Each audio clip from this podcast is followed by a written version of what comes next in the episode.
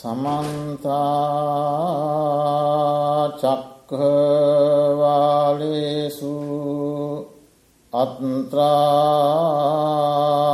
අත්‍රාගච්චන්තු දේවතා සද්දම්මං මුනිරාජස්ස සුනන්තු සග්ගමොක්කදං දම්මස් සවන කාලු අයම් බදන්තා දම්මස් සවන කාලු අයං බදන්තා දම්මස් සවන කාලු අයං බදන්තා නමෝතස්ස භගවතු අරහතු. සම්මා සම්බුද්දසස නමෝතස්ස භගවතු අරහතු සම්මා සම්බුද්දස්ස නමෝතස්ස භගවතු අරහතු සම්මා සම්බුද්දස්ස. දෝසං භික්හවේ ඒක දම්මං පජහත අහංවෝ පාටිබෝගෝ අනාගාමිතායාති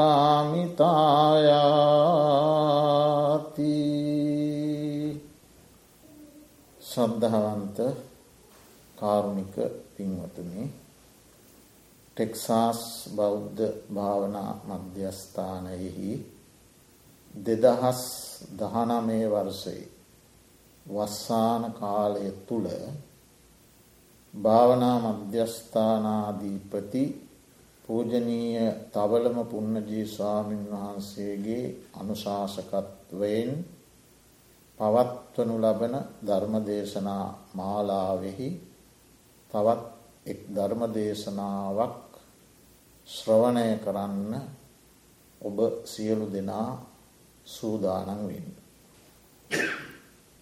මේ ධර්මදේශනාවට පෙරාතුව ප්‍රශ්න කීපයක් අහනවා මම කලින් හිතන් හිටිය අත ඔසවා පිළිතුරු ලබාගන්න නමුත් ඒක අවශ්‍ය නෑ ඔබ මේ ප්‍රශ්නවලට ඔබේ හිතෙන් විමසා බලා පිළිතුරක් සපය ගන්න. මමත් මගේ හිතෙන් මේක විමසන. පළමු ප්‍රශ්නය ඔබට තරහයිනවාද. දෙවන ප්‍රශ්නය ඒ තරහ පැයක් දෙකක් වරුවක් දවසක් දවස් දෙකක් වගේ දිගට පවතිනවාද. තුන්වෙනි ප්‍රශ්නය ඒ තරහ මකා දැමුවත් වරින් වර ඉඳහිට හිතෙහි මතු වෙලා හිතට වේදනාවක් ඇති වෙනවද. හතරවන ප්‍රශ්නය ඔබට තරහක් ඇති උන විගසම. මට තරහක් ඇති වුණා මේක සුදුසු නෑ කියලා වැටහෙනවාද. පස්වෙනි ප්‍රශ්නය ඒ ඇතිවන තරහා දුරුකර ගැනීම සඳහා ඔබ යම්කිසි උත්සාහයක යෙදෙනවද. ඔය තමා ප්‍රශ්නටික. බුදුරජාණන් වහන්සේ මම මුලින් මාතෘකා කළ සූත්‍ර දේශනාවක පාටයක් තුළින් පැහැදිලි කරනවා මහනෙන දවේශය නම් වූ දවේශය කියන්නේ හිත්ත දුෂ්ට කරන ගතිය. හිතේ දුෂ්ට බවක් ඇති කරන හිතේ ගැටෙන ස්වභාවය. ඒ දවේශය නම් වූ එකම ධර්ම ධර්ම දෙකක් නෙවෙයි එකයි. ඒ එකම ධර්මය දුරුකර දමව. මම නුබලාට අනාගාමී භාවය පිණිස ඇප වෙන. ඒක දුරු කරලා දැම්මොත් අනාගාමී බව පිණිස ඇප වෙන. ඒකයි පාටයේ සරල සිංහල අදහස. එතකොට අපි සාමාන්‍ය අපේ භාෂාවෙන් අපි කතා කරන්න තරහා. එයට පාලි භාෂාවේ වචන විසිහයක් තියෙන. විසිහයකින් හඳුන්න. එයින් අපි කීපයක් බැලුවොත් ආඝාත ගැටෙන බව. ඝාතනය කිරීම් කියන එකත් ගන්න පුළුව. පටිග තව වචන. නැසේවා වැනසේවා කියන බරපතල අදහස් හිතට මතු කරන තරමේ තරහ. නැසේවා වෙනසේවා අදහස් එක පටිග. ඊළඟට කෝපය කිපෙන සුළු බව සර්පයකුට කෝටුවකින් කෝටුවක් ලං කරනකොට කිපෙන් ඒවගේ අරමුණ ඉදිරියේ කිපෙන බව. ක්‍රෝධය. ඒ කෝපයටම සමාන වචනයක්. ක්‍රෝධය. චන්ඩික්ක සැඩ බව. චන්්ඩ ස්වරූපය සැඩ සැඩ ස්වරූප. චන්ඩික්ක දෝස හිතේ ඇතිවෙන දුෂ්ට බව. දුට්ටෝකෝ බ්‍රාක්්මණ දෝෂයන අභිභූතෝ හරියාදින්න චිත්තෝ පානම්පි හන්ති අදින්නම්පි ආදියති පරදාරම්පි ගච්චති මුසාපි භනති පරම්පි තතත්තාය සමාන්ති. බ්‍රාහ්මණය එක්තරා බමුණෙකුට කියනවා බ්‍රාහ්මණය මේ හිත දවේශයෙන් දුෂ්ට වුණා. සිතේ තියෙන යහපත් ගති සියල්ලම යට කරලා ඒ දවේශයම උඩට මත්වෙලාව. හැම්ම පැත්තෙම ඒ දවේශයෙන් හිත වෙලා ගත්තම්. සතුම් මරණ හොරකම් කරනවා කාමේ වර්දවාශයනවා බොරු කියනවා. අනිත් අයත් ඒ වැරදිවල සමාදන් කරව. තමන් විතරක් සමාදන් වෙලා නිකං ඉන්න නෑ අනිත් අයත් අල්ල ගන්න එකට අමුණලා ගන්න. එම ඒකට ගෙන දවේශ දුෂ්ට කරන බව දුෂ්ට බව. ව්‍යාපාද ඒ තව නම. ඒ දවේශයේම තව වැඩි දියුණු වෙලා ගිහිල්ල හරියට පිළුණු බතක් වගේ. පිළිුණු වූ බතක වැස්ම ඇරිය ගමන් ගඳගහන් ඒවා නරක් වෙලා. ව්‍යාපාරයෙන් හිත නරක් වෙලාට හරියට ඔඩු දුවපු තුවාලයක් වගේ. දුගඳ හමන තරමටම හිතන් තදින් නරක් කරලා. ව්‍යාපාර.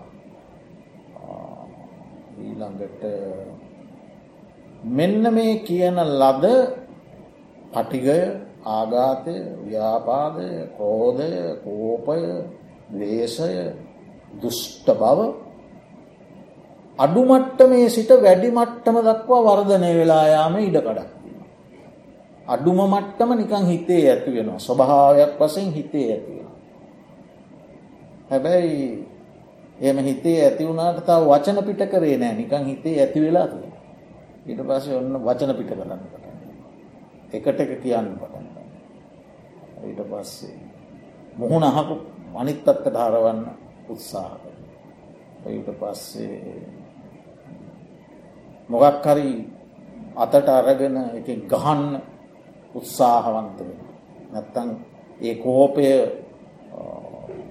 පරාරෝපනය කරන අනුන්ට ආරෝපනය කරන්න බල.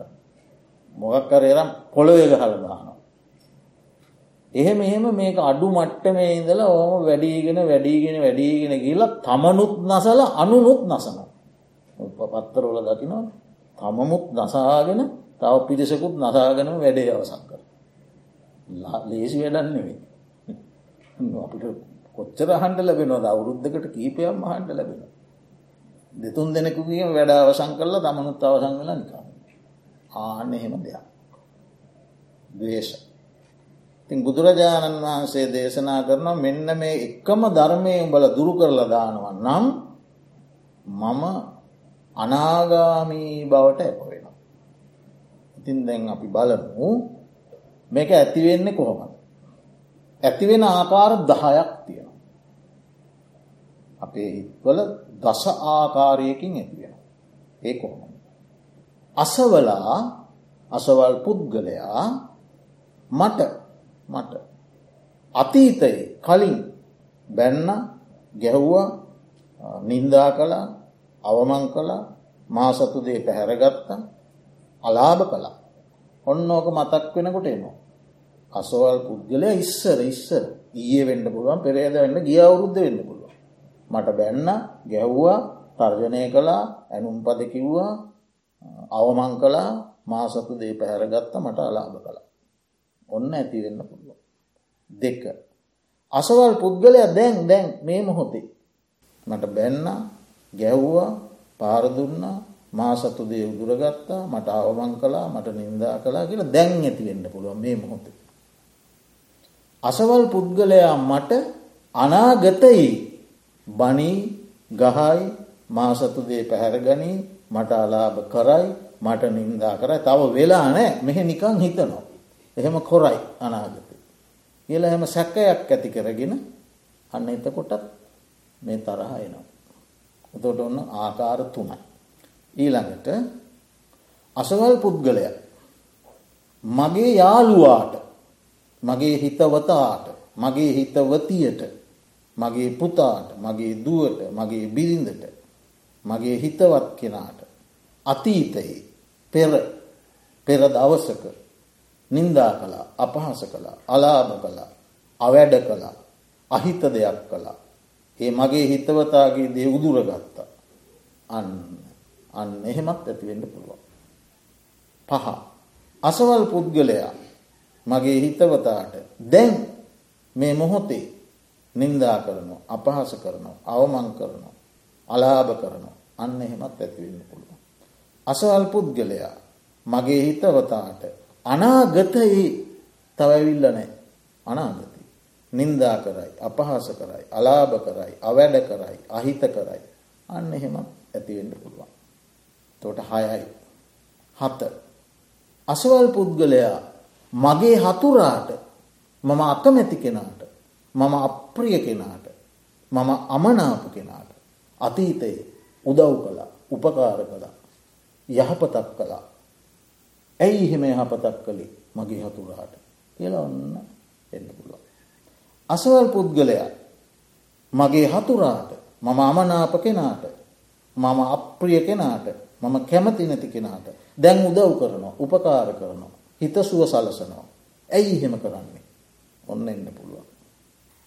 අසවල් පුද්ගලයා මගේ හිතව මගේ හතුරාට මගේ හතුරාට මම අකමැති කෙනාට අනාගතයේ උදව් කරයි හිතසුව සලසයි යහපත උදා කරයි කියල ඔන්න සැකයක් ඇති කරගෙන එහෙමත් තරහ එන්න පුළුවන් එතොට නවයයි දහවැන්න නම් හරි පුදුම දෙයක්.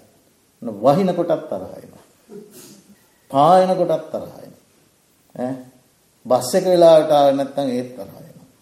ඊළඟට ගලක කකුල වැදුනොත් ඒත් තරහයන.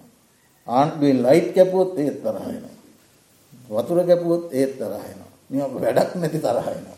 අස්ථාන ක්‍රෝධය කියලා එකට කියන්න. එයා එකට අරමුණක් නෑ. මොකක් හරි එකක් අල්ලගෙන එහෙමෙන. අන්න එතොට දහය. ඔය දහආකාරයෙන් එක්කාකාරයකට මේ ක්‍රෝධය හටගන්නවා.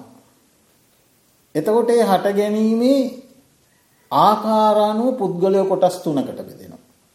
අපි ඔක්කොම එහෙම බෙදන්න පුළුවන් කොටස් තුනකට. මුළු ලෝකයේම මිනිස්සුම කොටස් තුනකට බෙදන්න පුළුවන් තරහ ඇති වෙන ආකාරය අනුව. පළමු යන්න.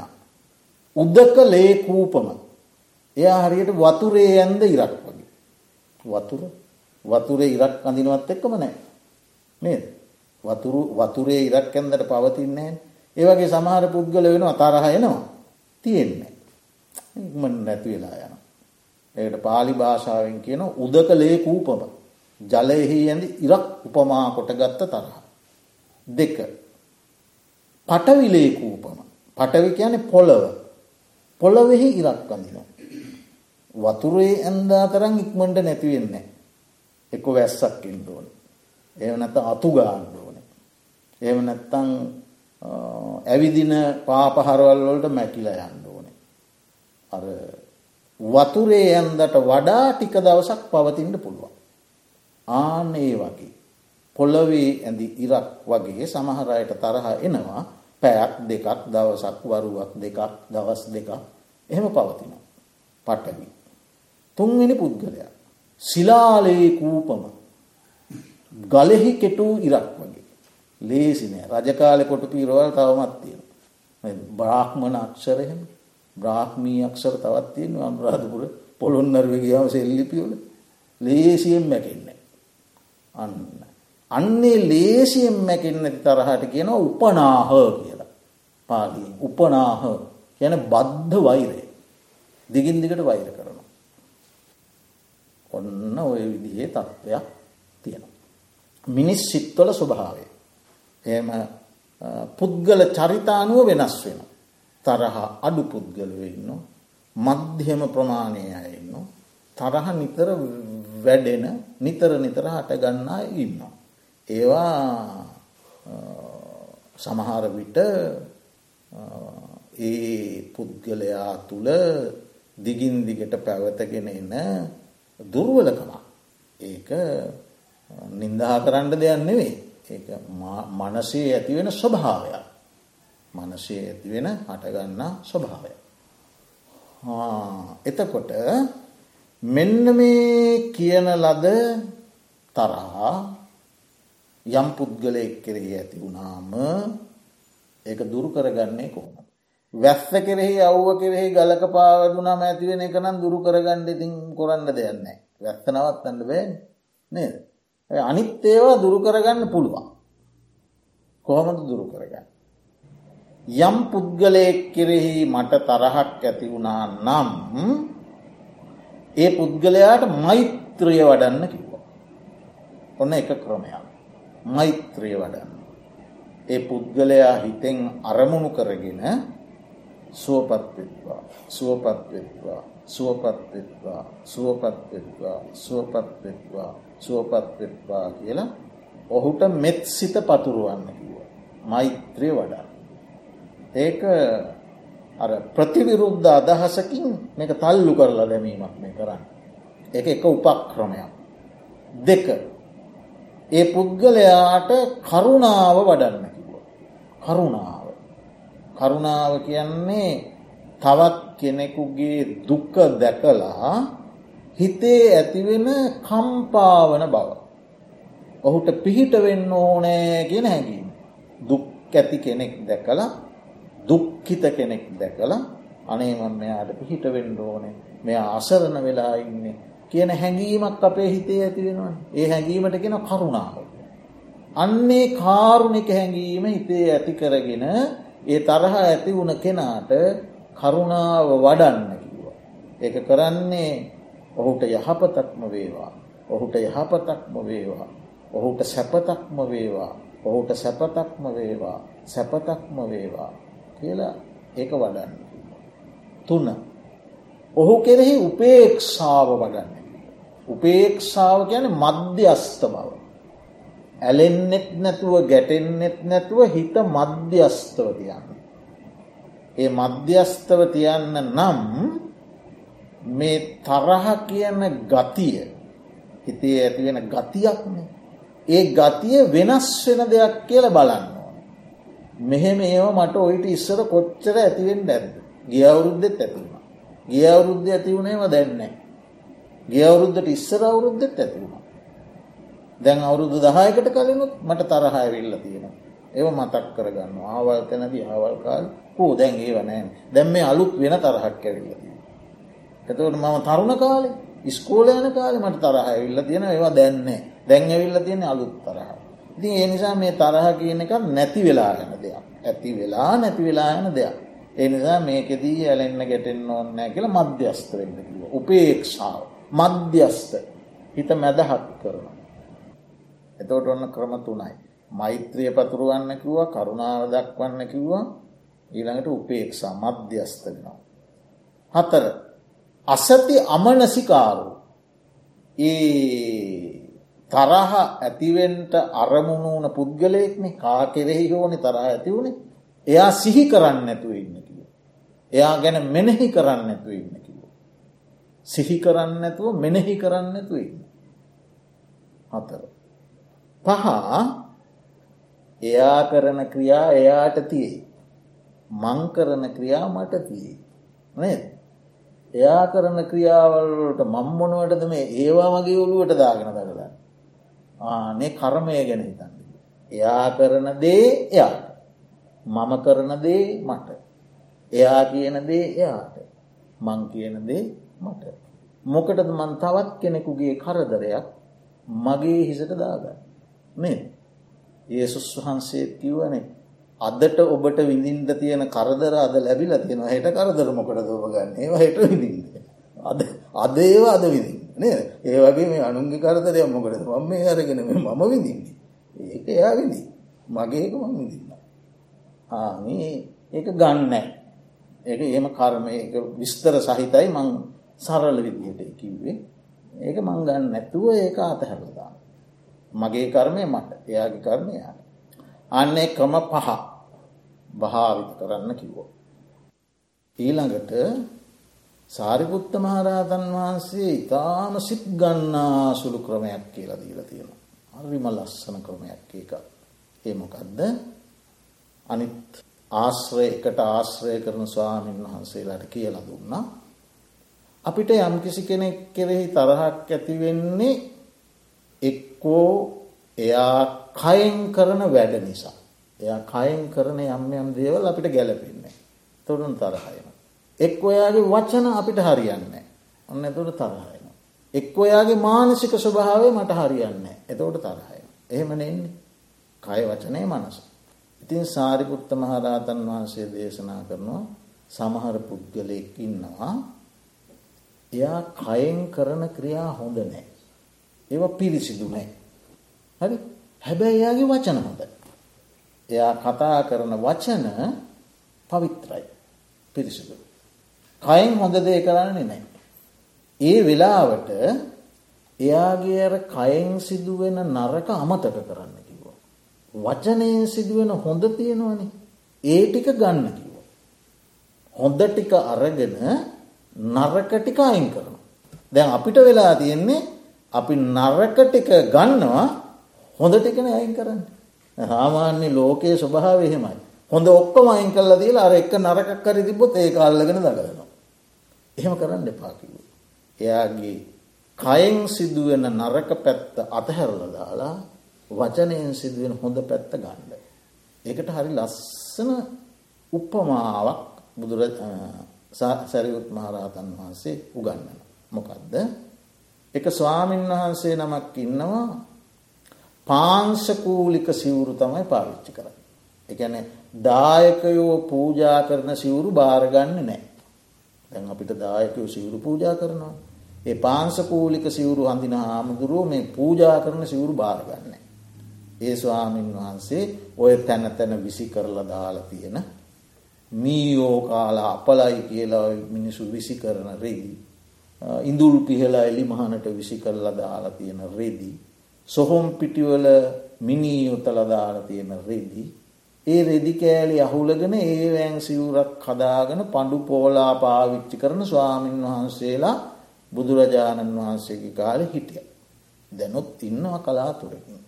ඒ ස්වාමීන් වහන්සේලාට කියන පාංසකූලික සිවුරු දරන ස්වාමීන් වහන්සේ.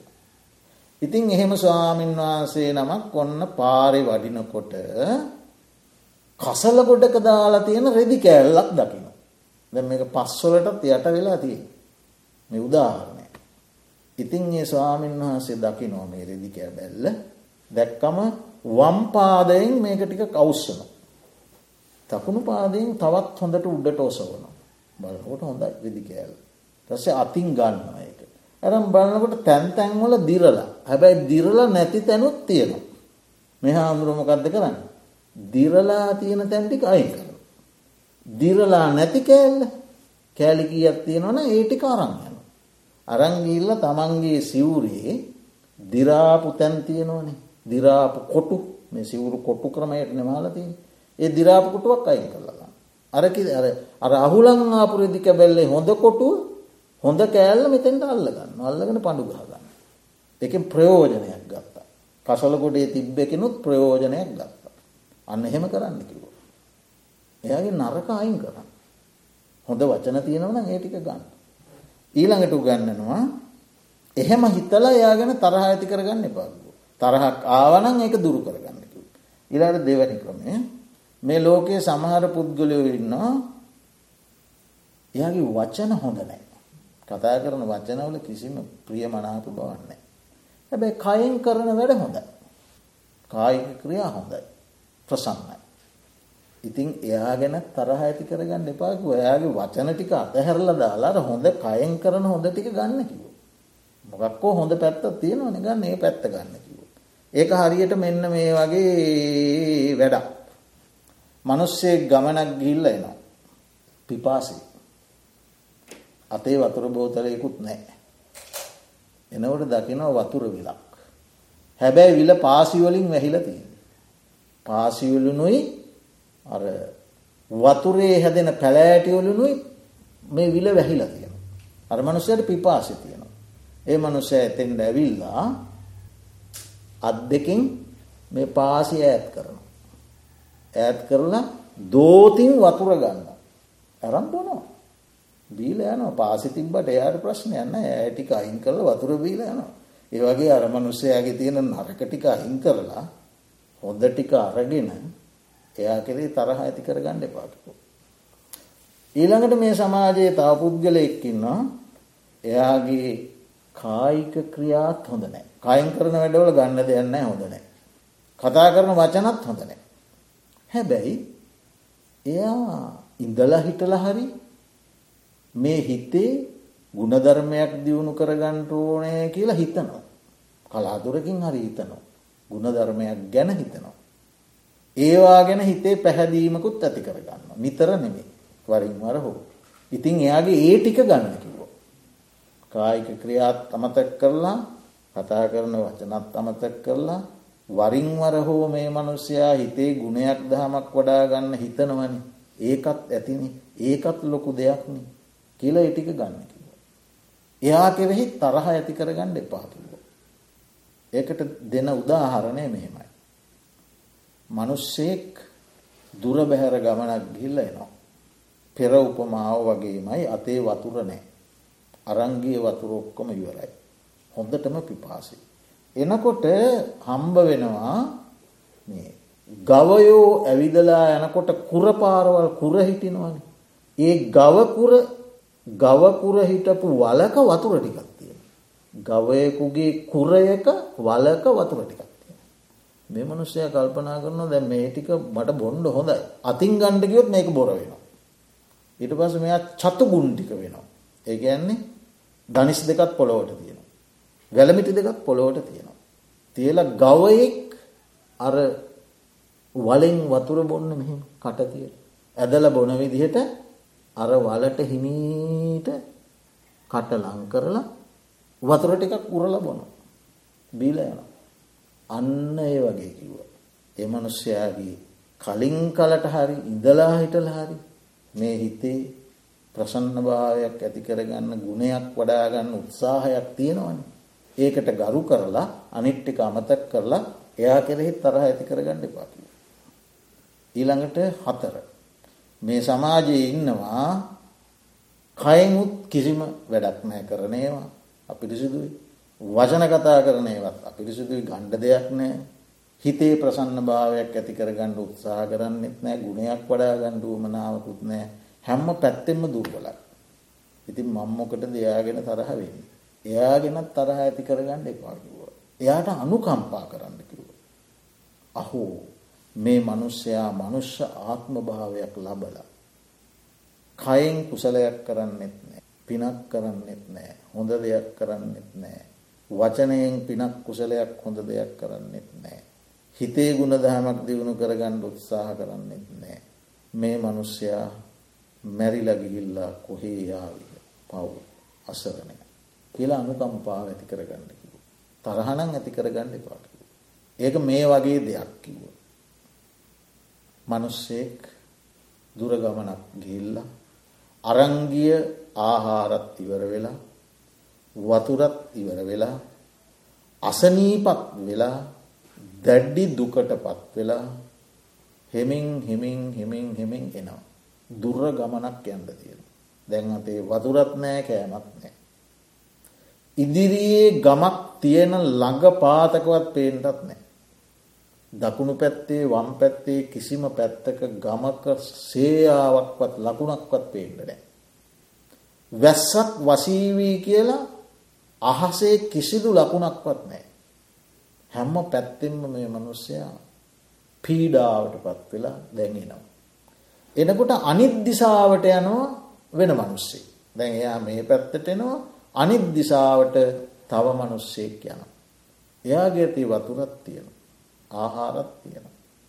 ඉතිං ඒ වතුර සහ ආහාර තියෙන මනුස්සයා අර ගිලන් වෙලා පීඩිත වෙලා අසරණ වෙලා වතුරත් නැතුව ආහාරත් නැතිව. එන මනුෂ්‍යයා දැක්කහම අනුකම්පාවක් මැති කරගන්න. දයාවක් මැති කරගන්න. කරුණාවක් මැති කරගන්න. අනේ මේ මනුෂ්‍යයාට ඉක්මනට ගමට යන්ඩ ලැබෙන්නේ නම් කොච්චර හොඳද. වැස්සක් වහින්නේ නම් කොච්චර හොඳද. ගමකට ඉක්මනින් යන්ඩ ලැබෙනව නම් කොච්චර හොඳද. කියලා අනුකම්පාව දයාව ඇති කරගන්නවා වගේ එයාට අනුකම්පා කරන්න. ඊළඟට පහ. මේ ලෝකයේ සමහරය ඉන්නවා කායික ක්‍රියාවනුත් හොඳයි. කතා කරන වචනත් හොඳයි. මානසික ස්වභාවයනුත් හොඳයි. මනස ප්‍රසන්න කරගන්න නිතර උත්සාහ කරන කෙනෙ. හෝ ප්‍රසන්න කරගත් කෙනෙ. සමහර විටේ රහතන් වහන්සේ කල්දයාන මිත්‍රයෙක්. ඒ අයගෙන්නම් කෝමත් තරහක් ඇති කරගණ්ඩ පාකිව. ඒක මේ වගේ දෙයක්. මනුස්සෙක් බෝම දුර බැහැර ඉඳලා එනවා අව්ුවෙන් පීඩා විදලා දාඩිය ගලමින් වෙහෙස වෙලා. ඒ එන මනුෂ්‍යයට පේනවා ඉතාමත් ප්‍රසන්න සිසිල් වතුර විලක්.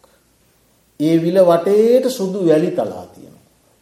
ඒ වැලි තලා වටේට ඉතාමත් සෙවන දෙන ගස්වලින් පිල්ල තියෙන.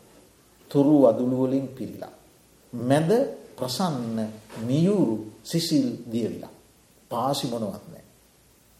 ඉතින් මේ මනුෂ්‍යයා බෝම සතුටෙන් එතෙන් දැවිල්ල අර පොකුණට බැහැල කැමතිනන් නාල කැමතිනම් වතුර බීලා ඕන්නම් වැලිමලුවට වෙලත් ඇඟ තවාගෙන ඕන්නන් අර තුරු වදුළුවලට ගස් මුලකට ගිහිල්ලා ඒ ගහමුල වාඩි වෙලා හොන්දට විවේක අරගෙන ඇඟයි හිතයි නිදහස් කරගෙන හිත ප්‍රසන්න කරගෙන තමන්ගේ ගමන යන.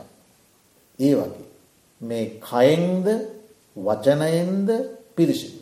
මනසින්ද පිරිසිදු. කල්්‍යයාන මිත්‍රයා නිරන්තරයෙන් ආශ්‍රය කරන්න. එයාගෙන් ප්‍රයෝජන ගන්නකිව. ඔය පස් දෙනාගෙන් එක්කනෙක් කෙරෙහිවත් තරහ ඇති කරගන්න එපැයිකු. ඇයි ඇති කරගත්ත ගමන් මේක ලේසි නෑ පහසු නෑ. නමුත් ඇති කරගත්ත ගමන් පල්ල වෙනියෙන් මහානය වෙන්න කාටද තමන්. අනුන්ට ගහන්ට අසූචි ටිකක් අතට ගත්ත වගේ වැඩක් වෙන්න. ගත්ත ගමන් තමන්ගේ අත අපිරිසිදුවෙන. අනුන්ට ගහන්ඩ ලිපළඟට ගිල්ල ගිනිියගුරු අතර ගත්ත වගේ වැඩක් වෙන්න. ගත්ත ගමන් තමන්ගේ අතයි ඉස්සල්ලා පිච්චෙන්නේ දෙවනුව තමයි අනුන්ට ගහන්න. එනිසා ඒක දුරු කරගන්න කිව්වා ලේසි දෙයක් නෙවෙයි පහසු දෙයක් නෙවෙයි මතකයේ තබාගෙන නැවත නැවත නැවත නැවත නැවත නැවත එහි උත්සාහවන්ත වුණොත් බැරිත් නෑ. ඉතින් මේක තව ගැඹුරට යනකොට බුදුරජාණන් වහන්සේ දේශනා කරන්නේ යමෙකුට පුළුවන්නම් තරහසිතක් ඇති වුණ ගමන් ඇති වුණා කියලා දැනගන්න ඒක ඉතාමත් සුබදායක තැනක්. හට ගන්නකොටම මට දැන් මේ ඇති වුණේ තරහ සිතක්. ආනේ දැන ගැනීමම එය මැඩලීමට තියෙන පල්ලවෙනි පියවර දැන ගැනීම. ඊළඟට ඒ තවත් එහාට විදර්ශනාව පැත්තට යනකොට කියන්නේ තරහ සිතුවිල්ලක් ඇති වුණාම ඇති උනාය කියල දැනගන්න. තරහ සිතුවිල්ලක් තමන්ගේ හිතේ නැත්නම් නැහැ කියල දැනගන්න. තියෙනවනම් තියෙනවායයි දැනගන්නවා නැත්නම් නෑ කියල දැනගන්න. ඒ වගේම හට නොගත්ත තරහක් මට ඇතිවෙන්නේ මේ හේතුව නිසාය කියලා දැනගන්න. තොට තරහ කියන එක ඇතිවෙන්නේ හේතුවක් නිසා. අහේතුකෝ හටගන්න හේතුවකින් හටගන්න. එතකොට හේතුව දැනගෙනන්න. මට තරහක් දැන් නෑ නමුත් මේක මට ඇති වුණොත් ඇතිවෙන්න මේ හේතුවේ. මොකක්ද හේතුව. අකමැති ප්‍රිය නැති අරමුණක්. මම කැමති නෑ ඒ අරමුණට මම ප්‍රිය නෑ ඒ අරමුණට. එතෝට අකමැති අප්‍රිය අරමුණක් තියෙන්ට ඕනේ ඒක නුවනින් තොරව මෙනේ කරන්න ඕන. නුවනින් තොරව එක ගෙඩිය පිටිං අරගෙන නුවනින් තොරව ඥානයෙන් තොරව ප්‍රඥාවෙන් තොරව මෙන එක්කරපු ගමන් එනවා අර නැති තරහ ඇතිවෙනවා. ඒකත් දැනගන්න. මේක ඇතිවෙන්නේ හේතුවකින්. අප්‍රිය අරමුණයි නුවනින් තොරව මෙනේ කිරීම. නිසා ඇතිවෙන්න. ඊළඟට දැනගන්න කිව්වා මේ තරහා නැති කර ගැනීමේ ක්‍රමය. උපන්න තරහා. දැන් හේතුවකින් තමයි මේක ඇවිල්ල තියෙන්නේ දැන් මේ උපන්න තරහා නැතිවෙන්නේ මෙන්න මෙහෙමය කියල දැනගන්න කිව. කෝමද නැතිවෙන්න. එක යෝනිසෝ මනසිකාරය. නුවනින් මෙනෙහි කරනවා. මෝඩකමින් මෙනෙහි කරොත් මේක වැඩි වැඩි වැඩි වැඩි යන. නුවනින් මෙනෙහි කරන ප්‍රඥාවෙන් මෙනෙහි කරනවා. හැඟීමට වහල් නොවී බුද්ධියට ඉඩ දෙනවා. ප්‍රඥාවෙන් මෙනෙහි කර. ඊළඟට මෛත්‍රී භාවනාවක් ඉගෙන ගන්නවා. මෛත්‍රී භාවනාවක් වඩනවා. ඉගෙනගෙන මදි ඒ ඉගෙනගත්ත භාවනාව වඩනවා. ඊළඟට මා කරන ක්‍රියාවල ප්‍රතිඵල ලැබෙන්නේ මටය ඔහු කරන ක්‍රියාවල ප්‍රතිඵල ලැබෙන්නේ ඔහුටය කියලා නුවනින් සලකා බල. ඊළඟට තරහ ඇතිවීමෙන් හටගන්නා ආදීනව සලකලා බලන. තරහක් ඇතිවුනාම ඒක වැඩි දියුණු වෙලා ගියාම එයින් තමන්ට මුහුණ දෙන්නට සිදුවන පීඩාවන් ගැන අනතුරු ගැන සලකා බලන. ඉවසීමෙන් ලැබෙන ආනිසංස ගැන සල්කා බලන. ඉවසීම බොහොම හොඳ දෙයක්. එය මේ ලෝකයේ ජීවත් වන හෑම සත්පුරුෂයෙක්ම හෑම ආගමික ශාස්තෘූවරයෙක්ම අගය කළ දෙයක් ඉවසීම ඒක ඒ කරුණු ටික බලනවා සලකා බලනවා. ඊළඟට මෛත්‍රී සිත් ඇති කල්්‍යයාන මිත්‍රෝ ආශ්‍රය කරනවා. මේ තරහට පොහොරදාන පවිටු මිත්‍ර ආශ්‍රය කරන්න ගියොත් වැඩේ අවු වෙන. හරිද. ඒ අයි කියන්න ඕවා හොතමබන් අපි බහිමු ගහෙමට කියලා තමයි කියන්න.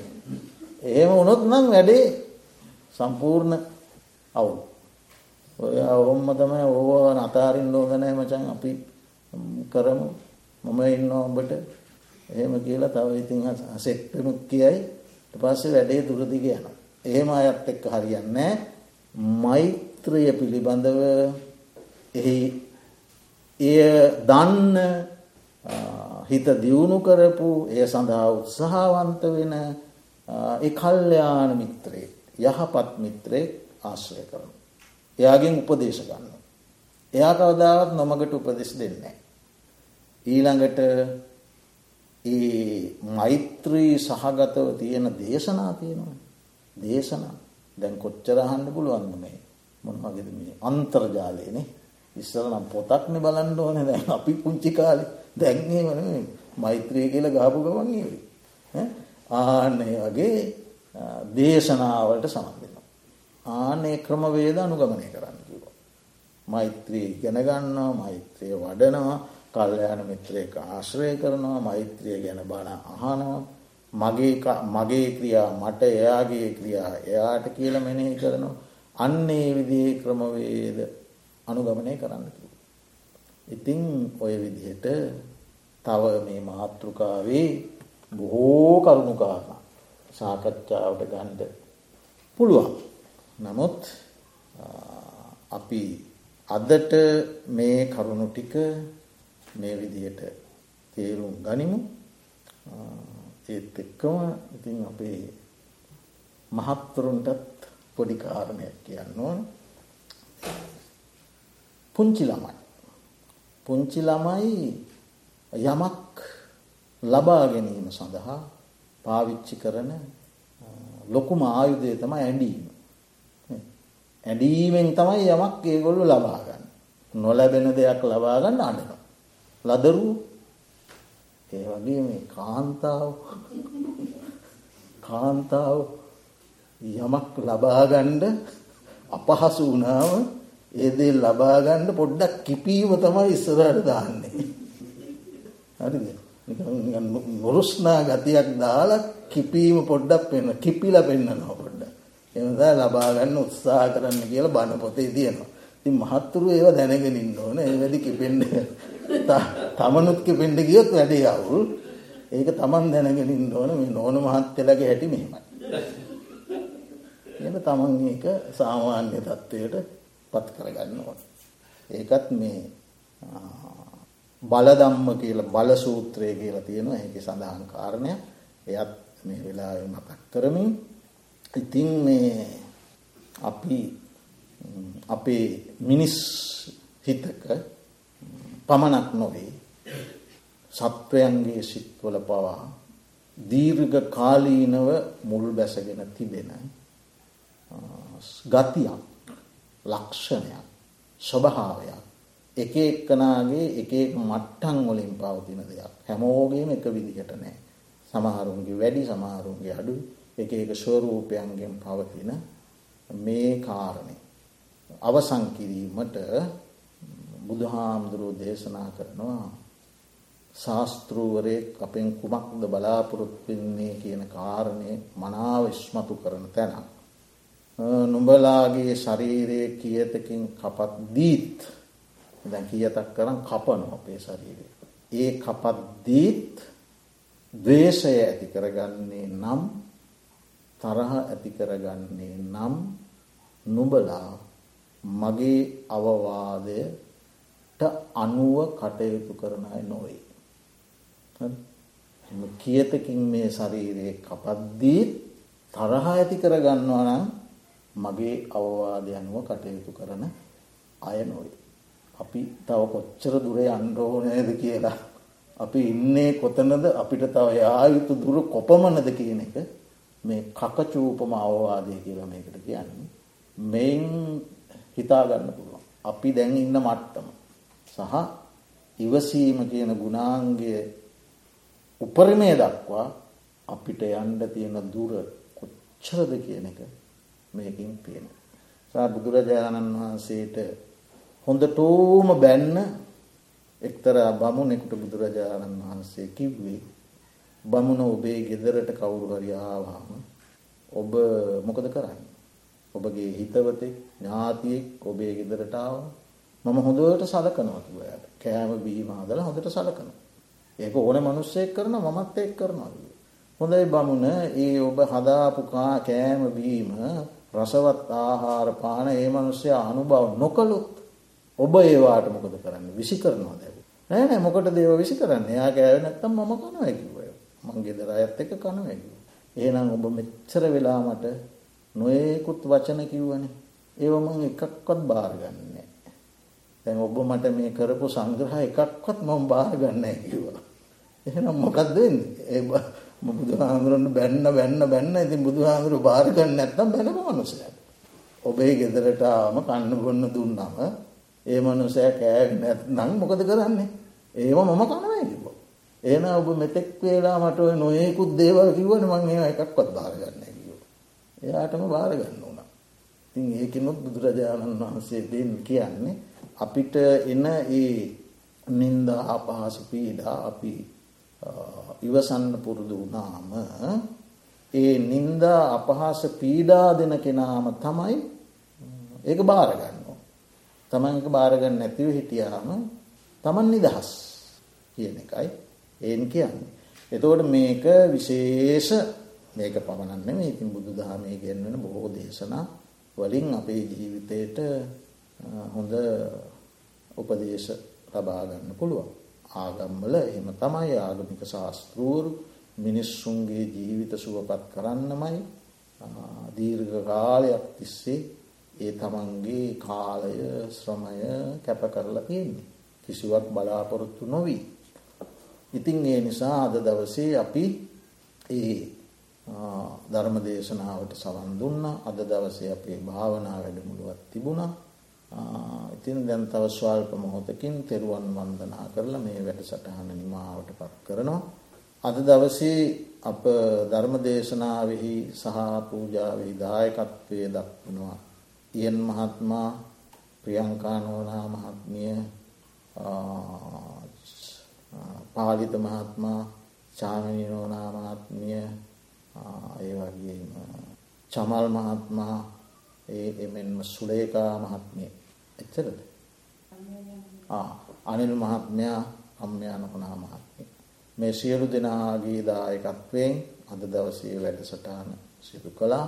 ඉතිං මේ අපි ඉගෙනගත්ත වටිනා උපදේශයන් අපේ ජීවිත් තුළට උකහාගෙන ළඟා කරගෙන ඒ තුළින් අපේ ජීවිත අමාරුවෙන් නමුත් අපේ දුබලතා තිබේ නම් ඒවා සකස් කරගෙන අපේ ජීවිත යහගුණ වැඩෙන ආකාරයෙන් පවත්වාගෙන මෙලව ජීවිතය සතුටින් සැනසුමින් සෞභාග්‍යයෙන් පිරි උදාර වාසනාවන්ත ජීවිත බවට පත් කර ගැනීම සඳහා ඔබ සියලු දෙනාටම කායික මානසික ධෛර්ය ශක්තිය නිරන්තරයෙන්ම සැලසේවා කියලා අපි මේ වෙලාවේ ආශීර්වාද කරමු ප්‍රාර්ථනා කරමු. ඒ වගේම අපි හැදූ වැඩූ අපට මේ ලෝකය දැක්වූ අපිව පෝෂණය කළ අපේ සෙනෙහෙබර දෙමව්පියන් සුජීවත්ව වාසය කරන්නේ නම් ඒ අයටත් මිය පරලෝගොස් සිටී නම් ඒ අයටත් අපි මේ පින් අනුමෝදන් කරනවා ඔවුනගේ ආයති භවයන් සුවපත් වෙත්වා උතුම් නිවනින් සැනසෙත්වා සියලූම මිය පරලෝගිය ඥාතීන්ට දෙවියන් සහිත ලෝකවාසී සියලු සත්වයන්ට යහපතක් වේවා සෙතක් වේවා සාන්තියක් වේවා සැනසුමක් වේවා අභිවෘද්ධියක්ම වේවා. සියලු දෙනාගේම ජීවිත දහම් ආලෝකයෙන් ආලෝකමත් වේවා.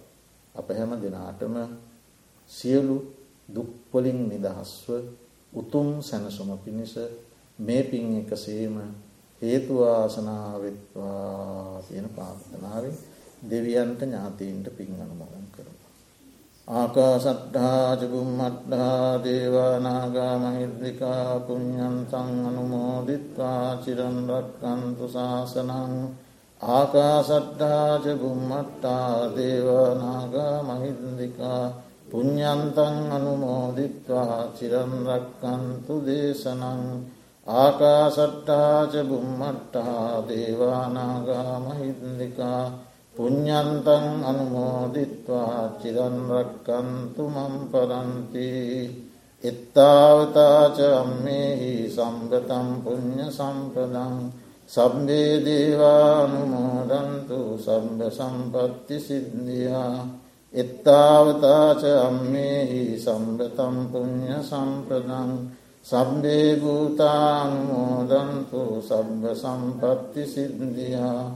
එත්තාවතාච අම්මේහි සම්පතම් පුඤ්ඤ සම්පදං. සම්බේ සත්තානුමෝදන්තු සම්ම සම්පත්ති සිද්ධියා. ඉදම්මේ ඥාතිනං හෝතු සුපිතාවන්තු ඥාතයෝ ඉදම්මේ ඥාතිනං හෝතු සුපිතාහන්තු ඥාතයෝ ඉදම්මේ ඥාතිනං හෝතු සුපිතාහන්තු ඥාතයෝ